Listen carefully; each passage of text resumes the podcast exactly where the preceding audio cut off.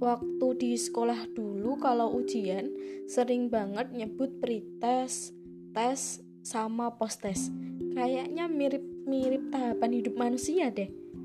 Pretest waktu masih di kandungan ibu, disiapin segala macamnya dari fisik dan roh.